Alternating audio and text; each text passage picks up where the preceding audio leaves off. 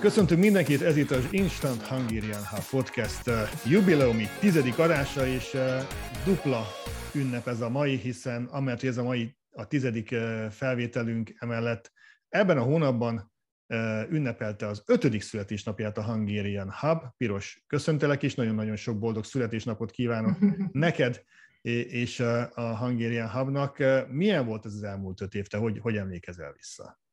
Egészen hihetetlen, hogy öt évről beszélünk.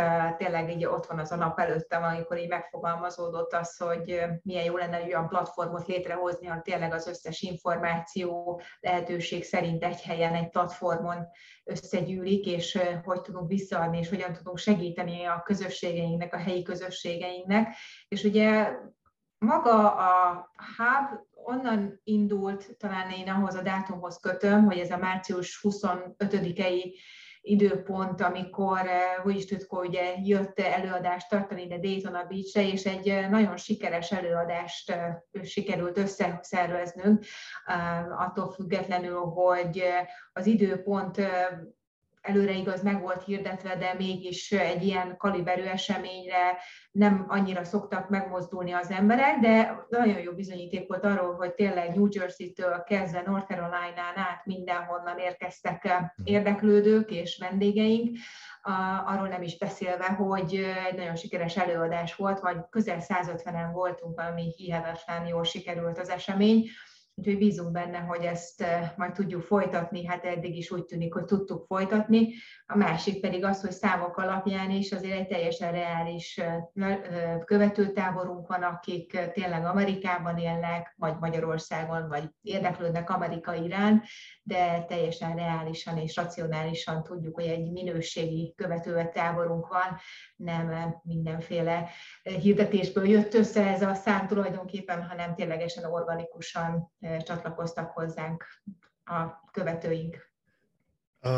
Én úgy szoktam mondani, hogy te egy örök pozitív álmodozó vagy, aki, aki mindig, mindig tényleg előre tekint, de most arra kérlek, hogy, hogy ezt az elmúlt, elmúlt öt évet abból a szempontból világíts meg, hogy így visszanézve szerinted melyik volt a legnehezebb része a Hungarian hub kapcsolatos munkának? Mivel kellett a leg, leg hát hogy mondjam, izzasztóban megbírkóznod? Érdekes módon, hogy ami a nehézsége, az a szépsége is, éppen az az önkéntes kérdés, uh-huh. amit ugye szoktunk sokszor feszegetni, hogy nagyon sokan csatlakoztak az évek során hozzánk, és azért büszkén mondhatom, hogy nagyon minimális volt a lemorzsolódás, és alapvetően aki hozzánk csatlakozott egyszer maradt is velünk. Természetesen ilyen-olyanokból voltak változások, például ugye Réka, aki hamarosan kisbabát vár, és hamarosan megszületik a kicsinye, tehát nyilván ő neki nem volt már több kapacitása arra, hogy önkéntesen dolgozzon velünk, de hát nagyon komoly feladatok és születtek, és nagyon komoly eredményeket tudtunk elérni. Főleg a Covid volt egy izgalmas időszak, hogy azt gondoltuk, hogy na most akkor innentől kezdve vége, nem fogunk tudni semmit csinálni, ugye akkor a számított is terveztük volna. De érdekes mondani, hogy olyan izgalmas online előadásokkal és fantasztikus programokkal tudtunk előállni. Megszületett időközben a könyvem is, ami ugye a közösségi akadémia alapjául szolgált. Szóval azt gondolom, hogy nagyon sok mindenre büszkék lehetünk, hát nyilván beleértve téged is, hiszen te vagy az egyik motorja az egész szervezetnek, a te munkád révén állnak össze ezek a tartalmak és információk, és hát az Instant Hungarian Hub podcast is lényegében a te gyermeked. Mi gyermekünk. A másfél, közös a mi gyermekünk. gyermekünk, a közös gyermekünk, akkor mondjuk így. És hát igazából szerintem ez az együttműködés, együtt tudunk működni a gondolatsor, azt gondolom, hogy ez a mai napig velünk van, és egyre többen értik és érzik, és azt gondolom, hogy nem egy elcsépelt szlogen ez már, hanem egy ténylegesen egy filozófia is talán. A Hungarian Hub nem titkoltan a diaszpóra magyarok életét próbálja segíteni, próbálja kicsit egyszerűsíteni, próbálja összefoglalni azokat az információkat, ami a diaszporában érő magyarok számára érdekes, izgalmas, hasznos lehet. Én azt gondolom, hogy ebbe a kategóriába tartozik a következő beszélgetésünk témája is, amelynek, amelyet úgy hívnak, hogy online magyar iskola. Egy 2009-ben indult kezdeményezésről fogunk most beszélgetni. Kozma Zsuzsával, aki az iskola igazgató helyettese, következzen most ez a beszélgetés.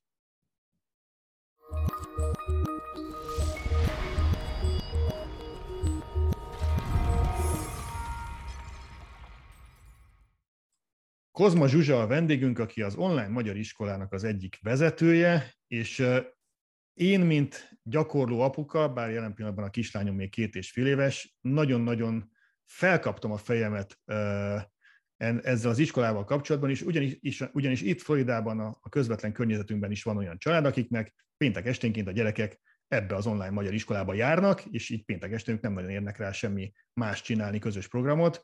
Zsuzsa, nagyon szépen köszönöm, hogy elfogadtad a meghívásunkat, és kérlek egy picit mutasd be, hogy mikor indult ez az iskola, honnan jött az ötlet, és, és milyen eredményeitek vannak az elmúlt években, hiszen már, ha jól tudom, azért nem, nem egy, egy új keretű kezdeményezésről van szó. Igen, Először is nagyon szépen köszönjük András a lehetőséget, hogy itt lehetünk és beszélhetünk az iskoláról. Az online magyar iskola már 2009 óta létezik, a 13. tanévünket kezdtük meg, és az elmúlt 13 év alatt rengeteget bővült az iskolánknak a profilja. Igazából ez egy alulról jövő kezdeményezés, dr. Tamás Judit, aki magának az iskolának az igazgatója, én a helyettese vagyok, és a tehetséggondozó programnak a szervezője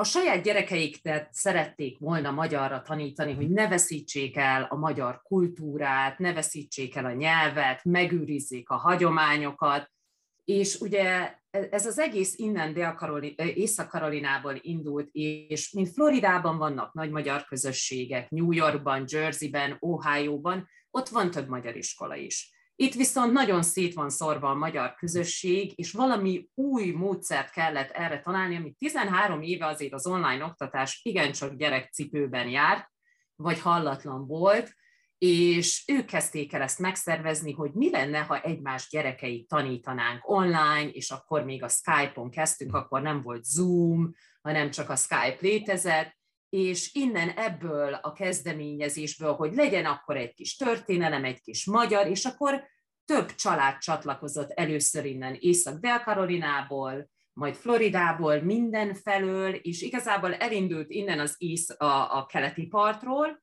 átterjedt egészen a nyugati partig, amíg folyamatosan igazából mi mivel annyira minimális költségvetésünk van, hogy nagyon nem is reklámoztuk, hanem igazából maguk a szülők és a gyerekek. Tájhagyomány útján Igen, pontosan.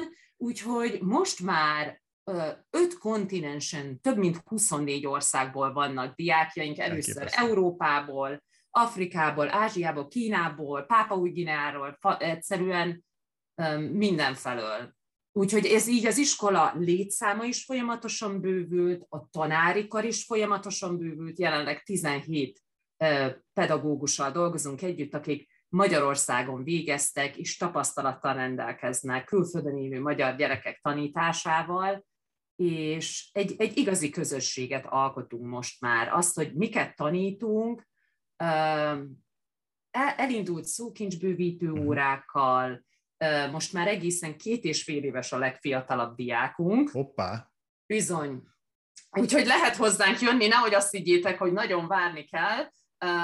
Zeneovi foglalkozásokat tartunk, amik 30 percesek, a Kokas Klára féle módszer tanítja a Anita néni, és fantasztikus. Nekem a kislányom járt is ebbe a csoportba, és nagyon mondókáznak, zenélnek, mhm. nagyon változatos, és öt éves kortól vannak ilyen szókincs beszédfejlesztő órák, 7 éves kortól. Igazából nagyon rugalmasan kezeljük, hogy a szülők mit szeretnének. Persze mondjuk nekik, hogy úgy érezzük, hogy ez a csoport nem megfelelő a gyerek számára. Általában nem szoktak ezzel velünk vitatkozni, hogy de én úgy gondolom, hogy ezt általában belátják és értékelik is, hogy, hogy visszajelznünk, vagy nem hagyjuk, hogy csak legyen ott a gyerek is, ne, ne érezze jól magát, ne tanuljon.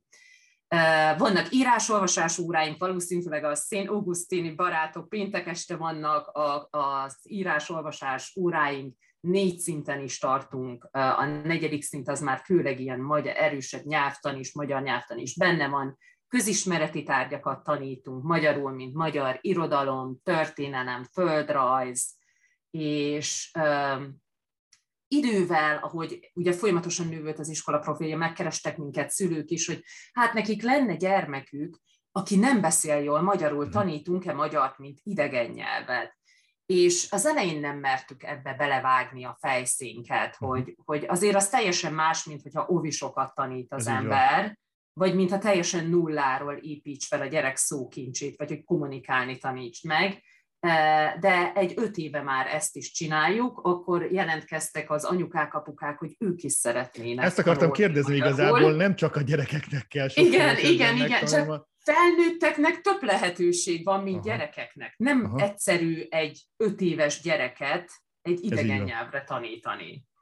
És, és akkor így adódott hozzá 2000 20-as tanévben volt, hogy elkezdtük a felnőtt magyar oktatást, akkor jött a Zeneov is, sőt, elindítottunk egy tehetséggondozó programot is, ami szintén elég párját ritkítja, mert a diaszpórában élő magyaroknak szerettünk volna valami többet nyújtani, az iskola az ugye mindig arra hajtunk, hogy többek legyünk, jobbak legyünk, odafigyeljünk, és mindig figyelünk a szülőkre, hogy ők mit mondanak, hogy mit szeretnének, mert ők adják a legjobb irányt igazából nekünk, hogy merre bővítsünk Úgyhogy elindítottunk egy matematika tehetség gondozó programot is, amiben versenyeztetjük, ugye nem kötelező, de rendesen nemzetközi és amerikai matek versenyen is részt veszünk a gyerekekkel. Ezt idén egy sakszakkörrel is bővítettük a, a programba, úgyhogy igazából nagyon színes a paletta, aki szeretne magyarul tanulni, vagy magyar szót hallani, én úgy gondolom, hogy nálunk biztos, hogy megtalálja. Nagyon szertágazó az, amit, az, amit elmondtál. E, menj, azt gondolom, hogy ennek a logisztikája vagy a koordinációja az rendkívül komoly erőfeszítéseket igényel. E, mi az a korosztály, ami, amiben ti igazából elsőlegesen gondolkodtok, gondolkodtok, hiszen mondtad, hogy kettő és fél éves kortól gyakorlatilag felnőtt korig vannak mhm. diákjaitok. Mi az a, mi az a leginkább fókuszált e, korosztály, ami, ami, ami a legfogékonyabb, vagy nem tudom, aki, aki, akivel a legkönnyebb eh, dolgozni?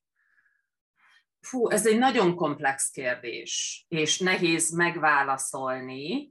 Uh, igazából, mint például te se gondoltad, hogy két és fél éves kortól vannak tanulóink. Szóval nagyon sokszor úgy gondolják az emberek, hogy ú, ez korai, még nem is keresek semmit. Uh-huh. Úgyhogy ez, ez, ez igazából, ez a két és fél évestől öt évesig, ez, ez e, igazából nem a, a profilunk. Uh-huh. Viszont öt éves kortól e, már, már nagyon keresik. 5-6 éves mhm. kortól, uh-huh. hogy legyen magyar közösség, elkezdték az iskolát, hogy halljon magyar szót, de amiért színes az iskolánk profilja, mert ezekhez megfelelő szakértelmű pedagógusokkal dolgozunk. Szóval mi nem, például Judit vezeti az óvodás mhm. csoportokat. Nem is csak óvodás, ezt nem is szeretem mondani, mert vannak kilenc évesek is a uh-huh. csoportjában. Játékos szókincs bővítő uh-huh. órák. Nagyon sokszor úgy jönnek hozzánk a szülők, és ezt most mondom ilyen hat évestől kilenc évesig,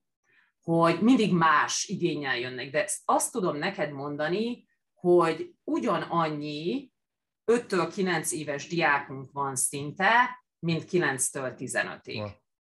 És milyen, De... milyen, milyen létszámmal dolgoztok? Említetted, hogy 24 országban vagytok jelen. Az idő, tehát hogy mi, mik azok a szinte logisztikához tartozik, hogy hogyan lehet összehangolni egy új gíneai, új Gíneában élő magyar kisgyereknek az óráit a, nem tudom, a Floridában élő, élőkével. Ez meg, mekkora kihívás jelent számotokra? Ez, ez amúgy rengeteg kihívás, minden ton év kezdés előtt, ez így szerintem mindannyiunknak hullik a haja a vezetés, vezetőség közben, és nagyon nehéz nemet mondani szülőknek is, akik lehetetlen időzónában vannak. De igazából 45 csoportunk van. Wow. Ez azt jelenti, hogy a szombatot meg akartuk hagyni, hogy ne legyen oktatás nálunk, de most már szombaton is van, és a tanáraink nem csak az Egyesült Államokban vannak, hanem Európában több részen is, hogy mi ezt koordinálni tudjuk, és igazából különböző időzónákban, időzóna szerinti órarendjeink mhm. vannak a jelentkezőktől függően, hogy mondjuk tegyük fel, van hat Kínából jelentkező diákunk, akkor megpróbáljuk őket úgy összerakni, hogy megfelelő csoportba kerüljenek. Na, ez sosem történik így, mert ugye most egy öt éves nem tehetsz össze egy kilenc évessel, lehet, hogy az öt éves jobban beszél magyarul, mint a kilenc éves, de kérdés, hogy mekkora áldozatot akarnak hozni Aha, a szülők. Világos. És akkor innen jön az, hogy jó, elindítunk az 5-től 7 éveseknek, akik jól beszélnek magyarul egy ovis kínai csoportot, és a többinek felajánljuk, hogy ehhez az európai csoporthoz vagy amerikai csoporthoz becsatlakoztok, például ebbe a péntek esti írás-olvasás órába, akinek az ismerős családról beszéltél, Ausztrál uh, kisfiú is becsatlakozik, ugyanis az szombat reggel 8 óra nálunk, Igen. Az esti uh, 6.30-as uh, írás-olvasás óra, pont és jó. pont azon a szinten volt. Szerencse, rengeteg levelezés a szülőkkel is, és logisztikailag ez nem egyszerű, az elmúlt két hét szörnyű volt az idő átállítással, ugyanis Törökországban nem állítottak órát, Kínában nincs óraállítás, az európai tanároknak is, össze, akkor mit csinálsz akkor, ha van amerikai diákod, Európa diákjaid, és van hozzád még egy Ausztráliából lévő diák, és mindenki um, máskor állít órát, hogy most hány óra van, úgyhogy ez, uh, nagyon, ez, ez hárman vagyunk a, a vezetőségben, de ez, ez teljesen teljes, teljes munkaidőben mm. csináljuk. És ez így, um, igen. 45 csoportot említettél, milyen létszámúak ezek a csoportok? Tehát mennyire, mennyire kis csoportosok a foglalkozások? ezt mi nagyon fontosnak tartjuk, ez az intézmény egy non-profit, uh-huh. és, és mi nagyon törekszünk a minőségre, amit mind arra fontosak a továbbképzések számunkra, hogy tényleg profi tanárokkal dolgozzunk, és, és jól csináljuk, amit csináljunk. Ezt mi úgy gondoljuk, hogy nem tudjuk nagy létszámban csinálni, még ha 15 éves gyerekekről van szó is. Ugye a korosztálytól függ, mondjuk a két és fél éveseknél nem lehet négy-ötnél több diákod, mert azt nem tudja a tanár ö, ö, karban tartani. Ö, viszont, de általában én azt mondanám, ha úgy átlagba kéne mondani, 5-7 diák van általában egy csoportban. De vannak csoportok, ahol kisebb a létszám, a nagyobbaknál, a tizenéveseknél van, előfordul olyan, hogy 8, akár 10 diák is van egy csoportba, de az azért van, mert egyszerűen nem találtunk más jó időpontot, és a szülők azt mondták, hogy nekik bármi jó, csak hagy maradjanak az iskolában.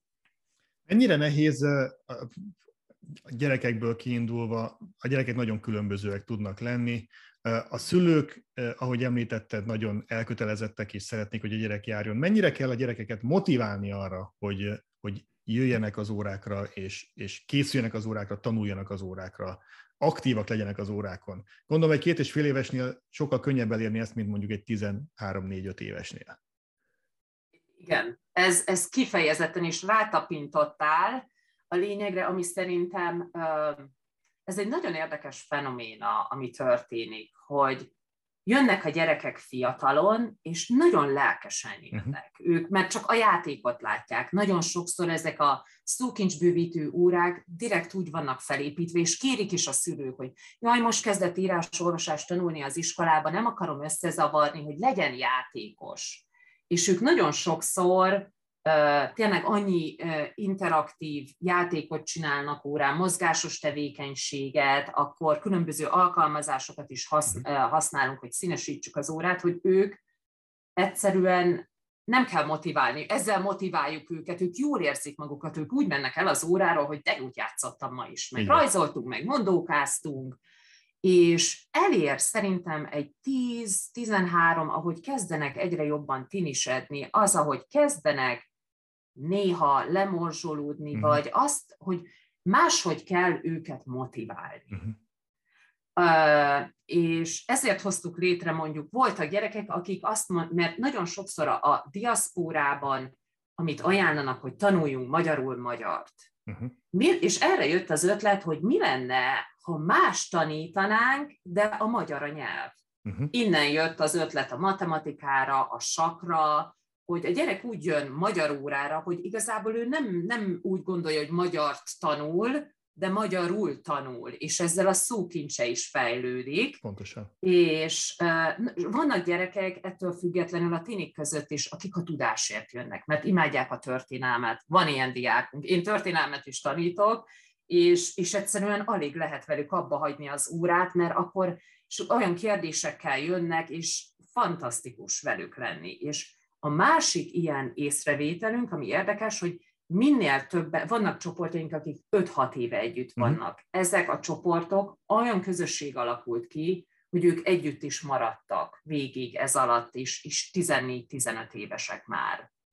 Mennyire érintett egy online iskoláról beszélünk, tehát az elmúlt két év a pandémia időszaka az igazából mondhatjuk, hogy nektek kedvezett, hiszen, hiszen a többieknek rá kellett szokni az online órákra, míg ti ebben dolgoztok már, már hosszú-hosszú évek óta, szóval milyen hatással volt igazából a rátok az iskolára az elmúlt időszak koronavírus világjárványa?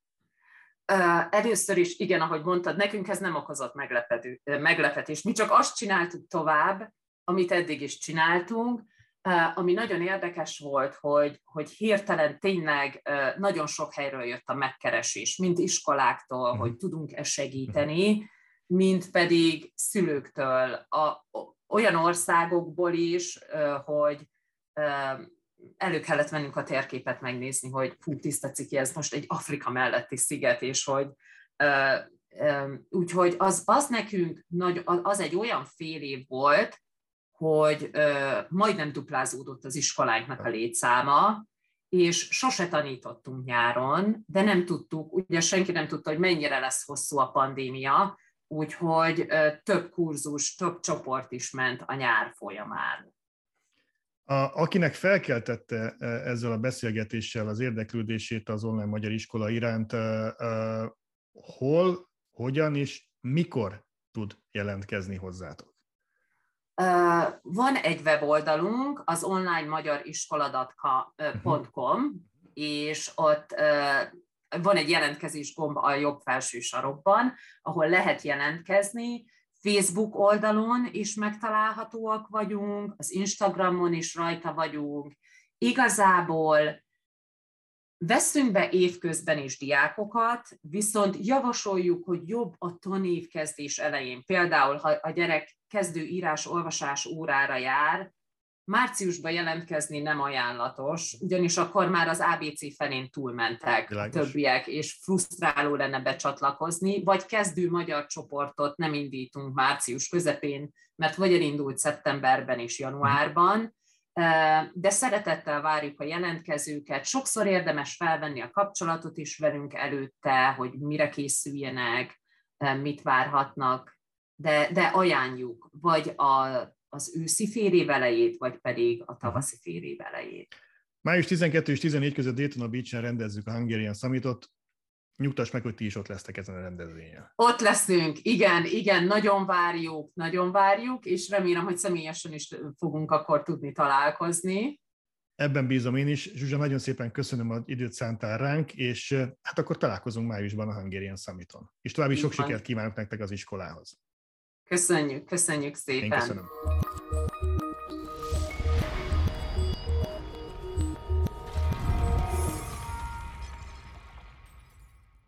Én személy szerint teljesen le vagyok nyűgözve az online magyar iskola történetével, jelenével kapcsolatban. Tényleg elképesztő, hogy a, a, a hány kontinensen, hány országban vannak jelen, és számomra óriási meglepetés volt, hogy az én két és fél éves kislányom már akár el is kezdheti ezt a, ezt a játékot, zeneovit, amit, amit ők csinálnak. Szóval Piros, nem tudom, hogy ti a családban mennyire küzdöttetek meg azzal, amiről beszéltünk itt, itt a, a beszélgetésben, hogy a, a, a tinédzserkor beköszöntével azért a, a, a gyerekeknek az érdeklődése az, az lanyhul az ilyen magyar témájú iskolák iránt. Ti hogy álltok ezzel, milyen, milyenek a te személyes tapasztalataid? Igen, sajnos azt alá tudom támasztani, hogy egy 13 évessel már ezt, ezt sajnos átéltük. Egy, olyan, egy éve ezelőtt kezdődött igazán, először csak olyan, tehát ugye nagyon lelkesen jártunk egy időben, aztán ugye akkor átváltottunk, hogy ő önkéntesen megy, és akkor segíti a kisebbeket, és mhm. akkor ez szépen lassan ez így tompult. De, de valóban az, hogy nehéz, nehéz őket megtartani, és egyébként fantasztikus ötlet azt gondolom az az online magyar iskola, mert, mert a, maguk a szellemisége van, nagyon sok embert is így ismerek személyesen is, akik ezt vezetik, ezt a fantasztikus online intézményt, és azt gondolom, hogy nagyon sokakat meg tudnak ebben fogni, és egy olyan hiánypótló platform, ami, ami igazából teljes mértékben, hát ugye meg az, ami tényleg a világ minden részéről, de tényleg a hihetetlen, hogy milyen helyekről be tudnak jelentkezni, azért egy nagy büszkeséggel tölti el az embert, hogy azért innen indult ténylegesen ez Amerikából. Nagyon nagy, nagyon nagy dolog az, és, és valóban vannak olyan részei, ha csak Amerikáról beszélek, annyira hatalmas az ország, hogy nem lehet mindenhol egy, egy, egy személyes jelenléttel dolgozó iskolát létrehozni, és ez valóban ebből a szempontból egy hiánypótló megoldás, ami, ami számomra nagyon nagy öröm, hogy, hogy, hogy ott lesz a, a, az online magyar iskola néhány képviselője a Hungarian Summiton is májusban, tehát akit érdekel, a téma, akit érdekel az iskola, az, az ott személyesen is fog tudni találkozni, beszélgetni az ötletgazdákkal és az iskola jelenlegi vezetőjével. És picit visszautalnék a, a, a beszélgetésünk legelejére, a, a, ennek a podcast adásnak a legelejére, ahol a, az öt éves szülőnapját ünnepeltük a Hungarian Hubnak. Én nagyon bízom benne, hogy ez a Hungarian Summit lesz a, a Hubnak az, az öt éves születésnapi ünnepsége, a megkoronázás ennek az öt évnek, úgyhogy egy picit beszélgessünk is az előkészületekről. Egyre közelebb van a május 12, május 14 időpont, úgyhogy Piros, hogy állnak a dolgok? Azt tudom, hogy aki akar még kedvezményesen tud jegyet venni, de már nem sokáig, igaz? Ez így van. Április 7-ig adtunk egy lehetőséget arra, hogy kedvezményesen megválthassák a jegyüket azok, akik szeretnének jönni, és mint említve azt, hogy ugye majd vannak közösségi vezetők, természetesen nekik egy olyan lehetőséget szeretnénk felkínálni a BGA jó voltából, hogy ingyenesen részt tudnak venni az eseményén egy ösztöndíja program keretében. Limitáltak a helyek, már csak néhány hely van vissza, úgyhogy mindenkit biztatok, hogy gyorsan regisztráljon, mert a non-profit magyar intézmények, akik Amerikában működnek, ők tudnak, azok a vezetők tudnak jelentkezni erre a lehetőségre, szóval mindenképpen javaslom, hogy használják ki, de rengeteg biznisz bejelentkezett már, és jönnek az eseményre, ugye nagyon izgalmas lesz a biznisz programunk is, és a felsőoktatási intézményekből sem lesz hiány. Most így hirtelen összeszámolva 6-7 intézményből már biztosan tudjuk, hogy jönnek résztvevők, és amerikai oldalról is jó néhány egyetemmel már megegyezés született, hogy részt vesznek ezen, és ők is érdeklődnek Magyarország, illetve Európa iránt, hogy milyen képzési lehetőségek vannak, milyen cserekapcsolatokat lehet képíteni, úgyhogy ebben szerintem megint nagyon sok potenciál lesz. Elindult a hungariansummit.com honlap, ahol gyakorlatilag az előadók, a részvevők folyamatosan bővülő népsora, a részletes program megtalálható és én azt gondolom, hogy van egy olyan profi rendezvényszervezőnk Mónika személyében, aki, aki tényleg kézben tartja az egész rendezvényt. Az elmúlt évek terveihez képest annyit picit változott a helyzet, hogy, hogy nem több helyszínes, hogy sokkal kevesebb helyszínen lesz ez a rendezvény megtartva, viszont szerintem megtaláltátok azt a, azt a helyszínt ennek a rendezvénynek, ahol, egy helyen, de mégis különböző épületekben, tehát egy ilyen, egy ilyen, egy ilyen központosított buborékban meg lehet rendezni ezt a rendezvényt. Mi is ez pontosan ez a helyszín? Nem is akármilyen helyről beszélünk, hiszen ez a Museum of Art and Science, tehát a MOAS, ami lényegében eh, tényleg Daytona Beach kellős közepén megtalálható egy gyönyörű eh, környezetben. Eh, van egy vadonatúj épületük, ahol több eseményt is meg fogunk valósítani, egy gyönyörű kerttel, illetve a másik épület, ami már nagyon-nagyon sok éve működik itt Daytona Beach-en, több lehetőséget kínál arra, hogy bemutassuk a programjainkat, termeink, van egy nagy színháztermünk, kisebb termeink, gyermekmúzeum, és büszkék vagyunk erre az, az épületre külön, hiszen ez az épület látja vendégül a világ egyik legnagyobb Coca-Cola gyűjteményét, ezt nem reklámnak tekintetjük, remélem, vagy kisipoljuk legfőjebb, ez csak viccelek. Baj, én nem Természetesen.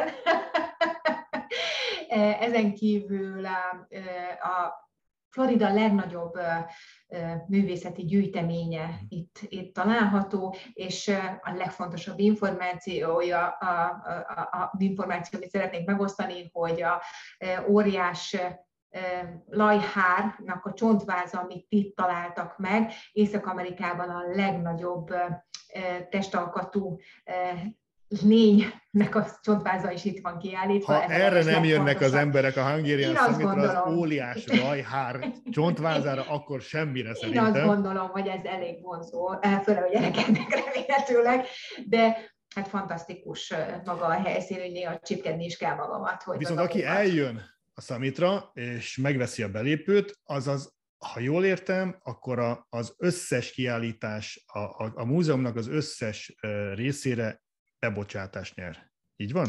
Ez így van, ez így van, hogy a kétnapos konferencián résztvevők egészen biztosan, és ugye ne felejtsük el, hogy van egy publikus napunk, a szombati nap, illetve már péntek este kezdődik, ahol különböző kulturális eseményekkel valósulnak meg. Uh-huh. Új Sutko és barátai fognak színpadra lépni péntek este, szombaton a 40 fős Pécsi Egyetem kórusa, a Bernadett hegedű virtuóz nagy koncertje, Toxikóma, mint a legnézett legnézettebb mozi volt ugye a tavalyi év során annak az USA bemutatója itt kerül megvalósítása, ezen kívül a sportolóink, Gyurta Dániel, Gornay Miklós, Újhelyi Petra, segíts kérlek, hogy kiket Fűrészdia. Fűrészdia. Gyakorlatilag azt lehet mondani, hogy egy, egy női kosárlabda osztálytalálkozót fogunk megvalósítani, mert Újhelyi Petra, Fűrész Dia, vagy Zsolnai Gyöngyi, ők mind-mind-mind voltak magyar válogatottak, és ha minden igaz, akkor Sterbenz Tamás,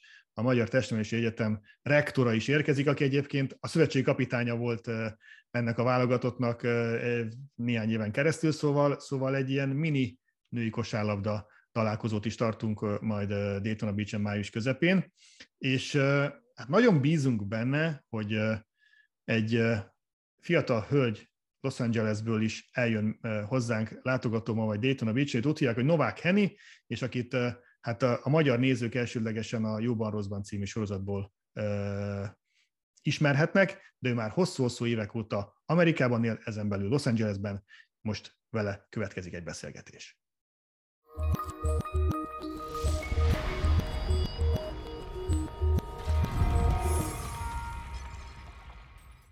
Novák Henny, tehát a vendégünk, köszöntelek, nagyon szépen köszönöm, hogy elfogadtad a meghívásunkat, és időt szántál ránk. Ott Los Angelesben, ahol az ország másik végén vagy te jelen pillanatban, az a megszokott, hogy nagyon szép idő van, rengeteget süt a nap, és általában az emberek nem nagyon kell, hogy felöltözzenek, mert jó idő van. Mi a helyzet az időjárással most jelen pillanatban Los Angelesben? Nagyon szépen köszönöm a, a kedves felvezetődet. Épp most esik az eső, és próbáltam mindenféle fényforrást bevetni ahhoz, hogy legyen egy kis fény az arcomon, úgyhogy ez, épp, épp ez igen. szokatlan azért ott, nem? Hogy Nagyon szokatlan. Tehát ez, ez egy pár nap a, az egész évből, amikor, amikor tényleg így esik az eső, beborul, és hát tulajdonképpen most szemerkél. Amit, amit, amitről Magyarországon elsősorban ismerhettek téged az emberek, az a jobban rosszban a TV2 sorozata volt, de ennek már sok-sok éve számomra elképesztő, hogy, hogy, hogy 12 éve te már Amerikában élsz, és igazából a legkíváncsibb én arra lennék, hogy ez a 12 év, ez, ez, ez ha egy dolgot kell kiemelni, akkor, akkor, akkor mi az, ami, ami, ami számodra a legkiemelkedőbb és a legszebb, legjobb, legérdekesebb, legizgalmasabb volt ebben a 12 évben? Ez így nem ér, hogy egyetlen egy dolgot lehet kiemelni. Jó, legyen kettő. Jó, akkor, akkor azt mondom, hogy a, hát a, nyilván a legfontosabb az, hogy megismertem a párom, és, és most már lassan nyolc éve vagyunk együtt, úgyhogy ez, ez mindenek fölött a legszebb, a legizgalmasabb, és, és tényleg a legfelemelőbb érzés és, és boldogság. A másik pedig hát tényleg az a, az a rengeteg tapasztalat, az, hogy, hogy másképp ismered meg magad, önmagadról tanulsz, egyszerűen egy más kultúrában, én ugye úgy jöttem ki annó, hogy, hogy nem beszéltem a nyelvet, egy, egy nem szeretem ezt a szót, hogy küzdelmekkel teri, mert, mert néha egy, egy, egyfajta pejoratív értelme mhm. is nyer az, hogy, hogy igenis küzdeni, harcolni kell, ami, ami, ami természetesen így van, de emellett azért tehát ez, ez, ez nagyon sok pozitívummal jár, hiszen az ember csak egyre fejlődik és, és tanul. Igazság szerint uh, mindenhol azt olvastam veled kapcsolatban, hogy egyszer csak gondoltál egyet, és kijöttél Amerikába, és az elején, ahogy mondtad, küzdelmes időszak volt, de mennyire volt ez, azt is olvastam róla, hogy gyerekkorod óta készülsz Amerikába, és gyakorlatilag ez benne volt az életedben, hogy egy ponton majd te, te Amerikába fogsz költözni. De mi volt az a, az a katalizátor, mi volt az a pont, amikor azt mondtad, hogy jó, eljött az a pont, amikor nekem ki kell mennem Amerikába, úgy, hogy nem beszélem a nyelvet? Igen, ez teljesen így volt. Hét évesen elhatároztam, hogy Amerikába költözöm majd egyszer, és amikor volt rá lehetőségem, tehát amikor úgy éreztem, úgy, nem tudom, hogy ezt hallottad de épp a Igen. kutyám. Gondoltam, hogy... Oké, okay. menj nyugodtan, hogy ez nem te voltál, hanem a kutya volt. Nem, én nem tudom így rázni magam. Bocsánat. Semmi gond, semmi gond. Lehet, hogy neki elege van az interjúból. Igen, tehát ilyenkor nem szeretem, mert nem, nem ráfigyelek, és akármennyire is édes és cuki, és mindig csendben marad, de, de amikor nem ő áll a figyelem központjában, akkor egyszerűen elkezd valamit csinálni, hogy még, még csak véletlenül sem. Mint ahogy most idejött. Nem férfi véletlenül? Tessék? Nem férfi véletlenül, mert a férfiak ilyenek egyébként, hogy szeretik. Nem, nem, nem, ő nagyon kislány. Nagyon kislány. Hihetetlenül kislány, egy, egy kis herceglány, aki, aki most szemez velem, és tudja, hogy róla beszélünk. Szóval mi volt De... az a katalizátor, ami, ami, ami Igen. igazából? Visszatérve a kérdésedhez, um, tulajdonképpen az, hogy úgy éreztem, amit most már nem éreznék úgy, de annó, hogy hat éves munkám és spórolásom után volt annyi összeg a zsebemben, hogy ki tudjak jönni, és, és ez volt a katalizátor, hogy, hogy úgy éreztem, hogy, hogy na akkor eljött az idő arra, hogy ki tudjam fizetni a repülőutat, és egy két-három hónapig ne legyen ezzel gond hanem hogy tényleg, tényleg fejest ugorjak a nagy ismeretlenbe. És az első út az két-három hónapig tartott, vagy, vagy az, tehát szembesültél a nagy amerikai valósággal, és utána vissza Magyarországra?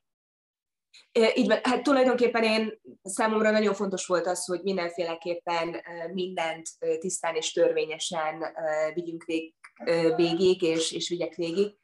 Úgyhogy az egyik legfontosabb dolog az volt, hogy ugye Esztával ez a turista, turista vízummal, igen, igen, turista vízummal mentem ki, jöttem ki, és három hónap után vissza kellett haza utazni, aztán újra ki, és, és úgy kezdtem el intézni a papírokat. Mhm. De ennek már sok-sok éve, és gyakorlatilag már azt lehet mondani, hogy, hogy te teljes mértékben amerikaivá váltál, hiszen amerikai párod van, munkád van, filmekben szerepeltél, Mi a számodra, ami leginkább hiányzik Magyarországból? Család. Hm. Számomra a leges legfontosabb, tehát a család, anyukám, apukám, öcsém és a, és a barátaim, tehát azok, akik gyerekkorom óta, fiatal, felnőtt korom óta velem vannak és velem tartanak, tehát hogy ez, ez, ez ami, ami pótolhatatlan. Tehát hiába vagyok itt, ahogy mondtad, lassan 12 éve, egyszerűen azt a fajta közelséget, azt a fajta, tehát talán még azt is mondanám, hogy, hogy az egy, az egy mint hogyha egy különálló heni lenne. Tehát van, van, egy, van egy óriási része a szívemnek, a, a lelkemnek, ami, ami teljes mértékben oda ahhoz csatolódik, és, és én ezt nem tudom, és nem is fogom soha elengedni, úgyhogy hála jó Istennek a, a, és a technikának köszönhetően, hogy ma már azért tényleg sokkal egyszerűbb kapcsolatot fenntartani, és, és tehát most is az interjúnk előtt anyukámmal, apukámmal beszéltem, és, és tényleg ez olyan, olyan szinten feltölti az embert a mindennapokban, hogy ezért csak hálásnak lehet lenni. Egy ilyen családcentrikus ember számára a, az elmúlt két év a koronavírus világjárvány és, és a szigorú kaliforniai járványügyi szabályok mennyire mérgezték meg az életedet, mennyire, mennyire változtatták meg az életedet? A, a legnehezebb az volt, hogy nem tudtam hazamenni az öcsém 30. születésnapjára, tehát az, az, az tényleg nagyon-nagyon kemény volt ez 2020-ban, áprilisában. Arra nagyon-nagyon készültem, nagyon készültünk. Aztán ugye talán a, a, a másik, illetve hát a, a, a leges, legfontosabb dolog, ami eddig valaha történt velem, az az, hogy az öcsémnek kislánya született, és az ő születésére sem tudtam ott lenni. De a, a mindennapokat, tehát én, én úgy gondolom, hogy én azért nagyon felkészültem arra, igaz, egy, tehát minden nap egy, egy, egy plusz két órát igényelt az, hogy, hogy tényleg érzelmileg olvasással, meditációval, edzéssel tényleg úgy karban tudjam magam és a lelkem tartani, hogy, hogy folyamatosan próbáltam magam és, a, és az energiaszintemet emelni, hogy minden, minden napot boldogsággal éljünk, meg éljek át. A, a nagyon nagy szerencsém az az, hogy a párommal kellett ugye tulajdonképpen 24 órában együtt lenni, ami, ami nem volt meg, megterhelő egyáltalán, mert mi amúgy is folyamatosan együtt dolgozunk, együtt edzünk, együtt csinálunk mindent, tehát ilyen szempontból én, én a nagyon-nagyon szerencsések közé tartozom, hogy a, a természetünk, a kapcsolatunk nem hogy a rovására ment, hanem, hanem tényleg talán még jobban megerősítette ezt a nexust, ami, ami köztünk van. Azt szokták mondani, hogy Hollywood nem lenne magyarok nélkül. A kezdetektől fogva ott, ott vagyunk Los Angelesben és a, a film fővárosában. Te hogyan érzed, hogy mennyire számít egzotikusnak, hogyha valaki magyar Los Angelesben? Én, amikor ott jártam Kaliforniában, azért, azért azt éreztem, hogy teljesen más a magyarok megítélése a nyugati parton, mint a keleti parton. Picit másképp állnak az emberek, de aztán lehet, hogy ez csak az én személyes tapasztalatom volt. Ezt, ezt kifejtenéd, mert, mert nagyon kíváncsi vagyok, hogy, hogy hogy érzed azt, hogy mi volt a különbség a más, mi, más milyenek az emberek. Itt, so, itt, itt sokkal közelebb érzed azt, azt, azt, azt a fajta nem tudom, európaiságot a keleti parton, ami, ami a Magyarországhoz közelebb áll, mint a nyugati parton, ami, ami sokkal egy távolabbi világ, egy picit más, a, a kaliforniak azok, azok sokan nagyon sokat gondolnak magukról, de mondjuk ez igaz New Yorkra is, tehát, hogy egy, egy picit, picit, picit más világ, és, és magyarként, kelet-európaiként egy picit már ott lehet, hogy egzotikusabbnak számítasz, mint mondjuk itt New Yorkban, vagy, vagy Bostonban, vagy akár itt Floridában nálunk. Igazából ezt, ezt így, ilyen szempontból nem én talán más, más oldalról közelítettem uh-huh. meg ezt az egészet, és sokkal inkább azt, hogy nem éreztem magam különállónak, uh-huh. mert, mert hogy itt ugye minden kultúra, minden szín, minden vallás, tehát hogy minden ki egyben tehát ugye ide összpontosul, uh-huh. és, és hihetetlenül színes Los Angeles, tehát ahol, ahol per pillanat ugye élek, és emiatt én, én nagyon azt éreztem az elejétől fogva, hogy, hogy az emberek elfogadóak voltak. Uh-huh. Nem volt, talán a, a filmvilágában, tehát hogyha azt mondod, hogy magyar vagy, akkor igen, ó, cukor, meg. tehát, hogy ez, meg, meg ugye a Gábor Zsazsa, tehát hogy e, ezt a, ezt a két nevet emlegetik, és hát a Dracula. Ez így van. Lugosi ez, Béla ez... és Tony Curtis, és tényleg is sorolni lehetne még azt, Pontosan. azt a magyart.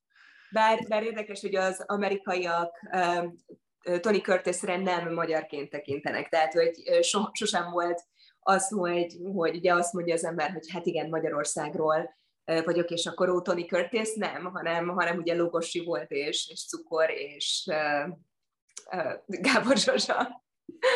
Ez így van. Uh, igazából a, számomra akkor inkább, inkább úgy kérdezem, hogy, hogy milyen reakciókat váltott ki az emberekből az, hogy te magyar vagy. E, e, ezen kívül, hogy, hogy Lugosi Béla és, és, és Gábor Zsazsa, tehát hogy, hogy te hogy érzed, azt is olvastam rólad, hogy nagyon sok magyar barátod van kint, akikkel tartod a kapcsolatot, tehát megtaláltad azt a magyar közösséget, vagy azt a magyar társaságot, aki, akire neked ott, ott rendkívül messze Magyarországtól szükséged van. Szerintem ez valahol egy nagyon természetes folyamat is, mert azért az ember próbál kapaszkodni a gyökereiben, uh-huh. próbál kapaszkodni az ismerősbe, mhm. mert hiszen minden más ismeretlen, és az, hogy vannak tényleg magyar barátaim, vagy európai barátaim, mhm. akikkel azért teljesen sokkal, sokkal jobban összeköt az, hogy honnan jövünk, hogy hogy tudunk reagálni, hogy nevetünk, tehát a, a, a viccek, a poénok teljesen másképp veszük ezeket a dolgokat, tehát ez egy, ez egy nagyon erős bázis, ami, ami számomra mondjuk nagyon-nagyon fontos, hogy ez, ez itt létezzen, és, és erre tudja képíteni, és tényleg a mindennapokban is én, én folyamatosan ugye minden nap beszélek magyarul, tehát hogy ez, ez, ez azért számomra nagyon-nagyon fontos, és, és tényleg egyszerűen áldottnak érzem magam, hogy megtaláltam itt is azokat az embereket, akikre számíthatok, és, és akikkel együtt tudunk működni a mindennapokban is, de persze ennek van egy másik oldala is, amikor nyilván egy, egy magyar emberben én legalábbis automatikusan sokkal jobban bízom, vagy úgy gondolom, hogy akkor jó, akkor dolgozzunk együtt, csináljuk mhm. együtt, és, és akár csak egy, még, még csak egy hónapja sincs. Például az egyik legjobb barátnőm, akit én az egyik legjobb barátnőmnek um, tituláltam, és, és magyar származású, tehát hihetetlenül uh, hátba vágott, hazudott, uh, stb. És, és ilyenkor azért nyilván ez, ez még rosszabbul esik, mint hogyha mondjuk egy amerikai tette volna, mert, mert eleve tehát ez az összetartás, az, hogy, hogy egymásba való kapaszkodás valamilyen szinten természetes az embernek, de, de hát nyilvánvalóan nem, nem mindenkinek. Ez sajnos azt gondolom, hogy így van. Nem mondanám, hogy magyaros dolog, de valahol, valahol ez sajnos ez benne van a, a, a genetikánkban. Viszont lesz nekünk májusban egy, egy nagyszabású rendezvényünk Daytona Beach-en, itt Floridában a Hungarian Summit, amit már háromszor halasztottunk el, a koronavírus miatt mindig új időpontot kellett neki találni, és a te neved is felmerült egyébként a, a rendezvényel kapcsolatban. Érdeklődnék, hogy, hogy láthatunk-e, találkozunk-e személyesen májusban Daytonában. Én nagyon-nagyon izgatott vagyok egyébként ezzel kapcsolatban, úgyhogy nagyon remélem, hogy minden úgy jön ki, hogy, hogy tudjak utazni, és tudjak menni, és hát személyesen is találkozhassunk. Legyen így, nagyon bízom benne, hogy ez, hogy ez meg tud valósulni. Én nagyon-nagyon sok sikert kívánok neked mind az ingatlan területén, mind a film területén és mind a magánélet területén. Nagyon-nagyon szépen köszönöm, hogy elfogadtad a meghívásunkat, és bízom benne, hogy találkozunk nem sokára, legközelebb már személyesen. Köszönöm szépen, Henni. Úgy legyen. Én köszönöm.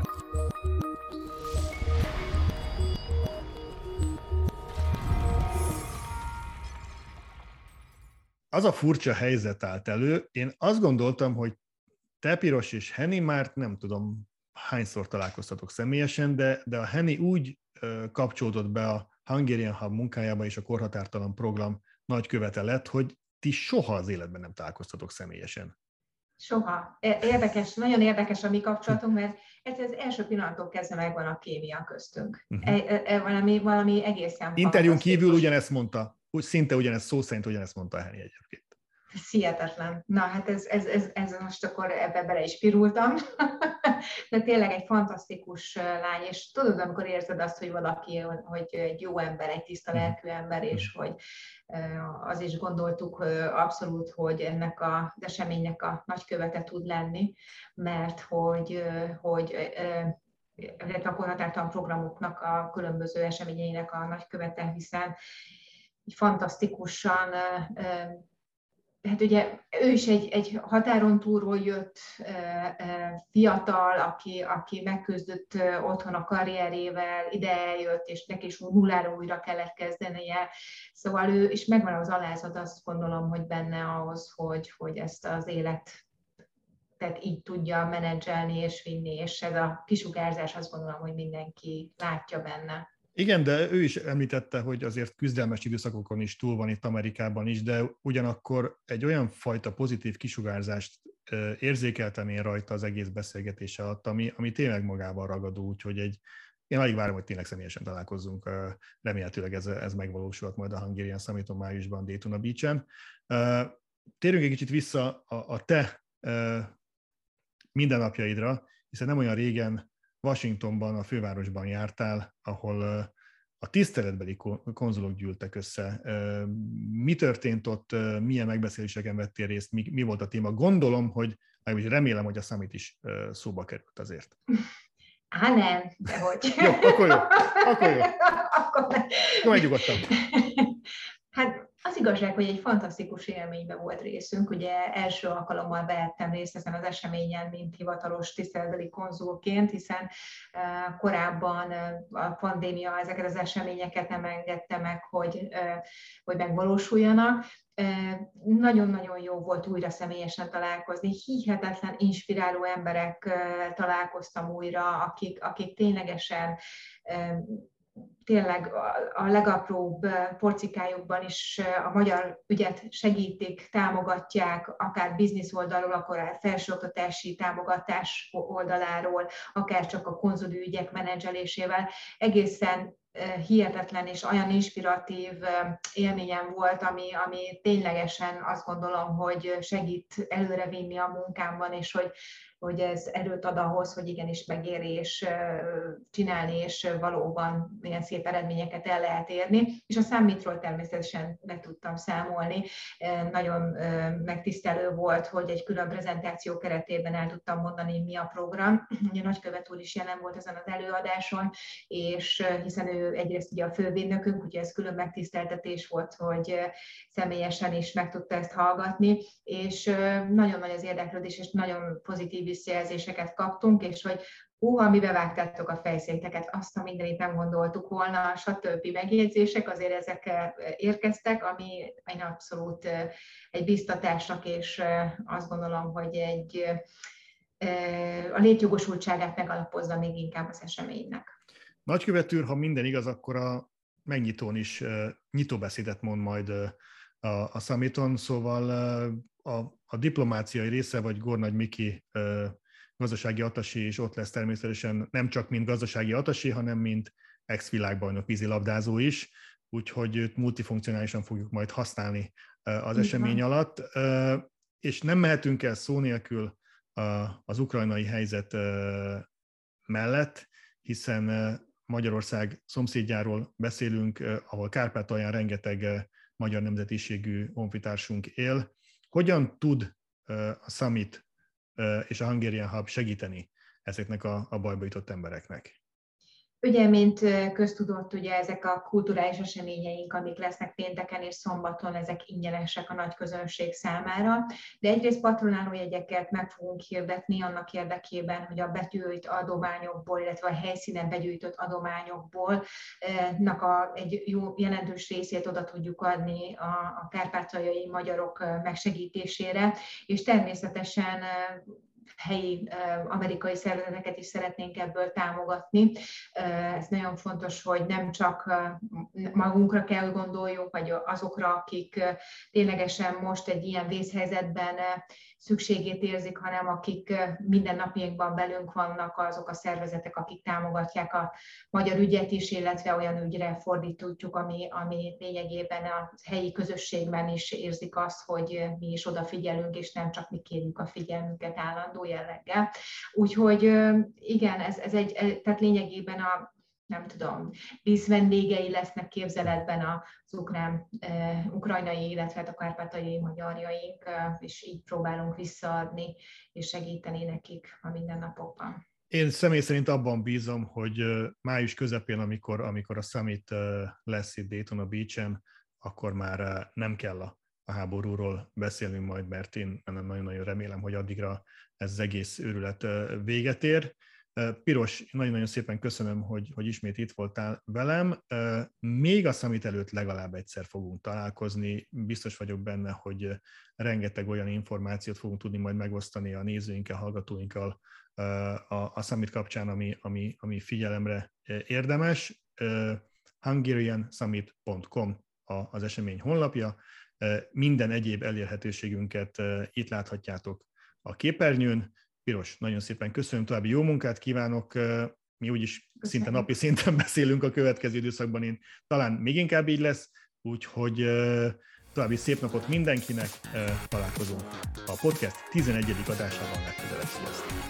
Sziasztok, köszönöm!